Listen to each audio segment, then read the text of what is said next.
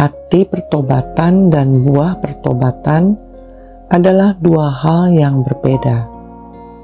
Hati pertobatan ada di dalam, sedangkan buah pertobatan ada di luar.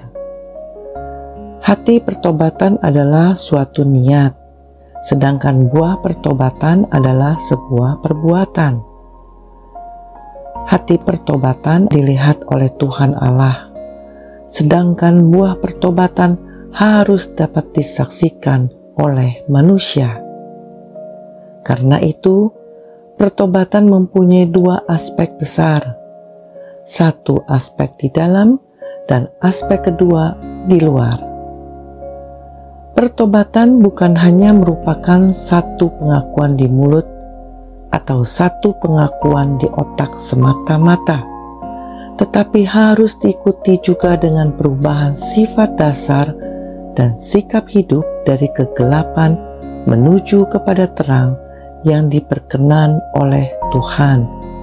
1 Petrus 2 ayat 9 Pertobatan adalah betul-betul membenci dosa dan berbalik kepada Tuhan diikuti hidup berkenan di hadapannya. Tapi mungkinkah hati demikian dihasilkan oleh orang berdosa? Alkitab dengan jelas berkata kepada kita bahwa pertobatan bukanlah syarat untuk dilahirkan kembali, melainkan hanya Roh Kudus yang mampu menciptakan manusia berdosa itu menjadi ciptaan baru atau manusia baru. Pertanyaannya, kita bertobat dulu, kemudian Tuhan menerima dan memberikan hidup baru kepada kita, ataukah Tuhan memberikan hidup yang baru melalui mendengar firman-Nya, sehingga mengerjakan satu pertobatan dalam diri kita? Hati pertobatan bukan suatu hal lahiriah, melainkan satu perubahan total di dalam jiwa. Allah memberikan hidup baru kepada kita, sehingga melalui hidup baru itu kita menghasilkan suatu perasaan benci kepada dosa.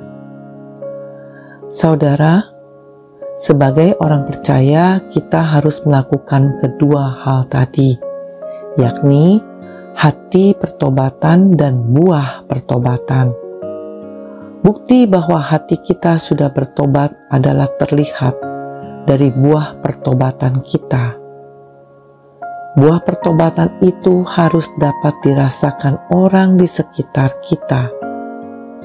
Hidup kita secara totalitas menjadi berkat, tidak hanya bagi kita, namun terlebih bagi sesama.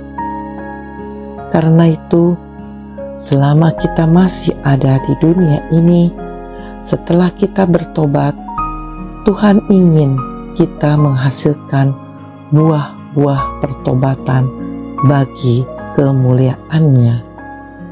Amin.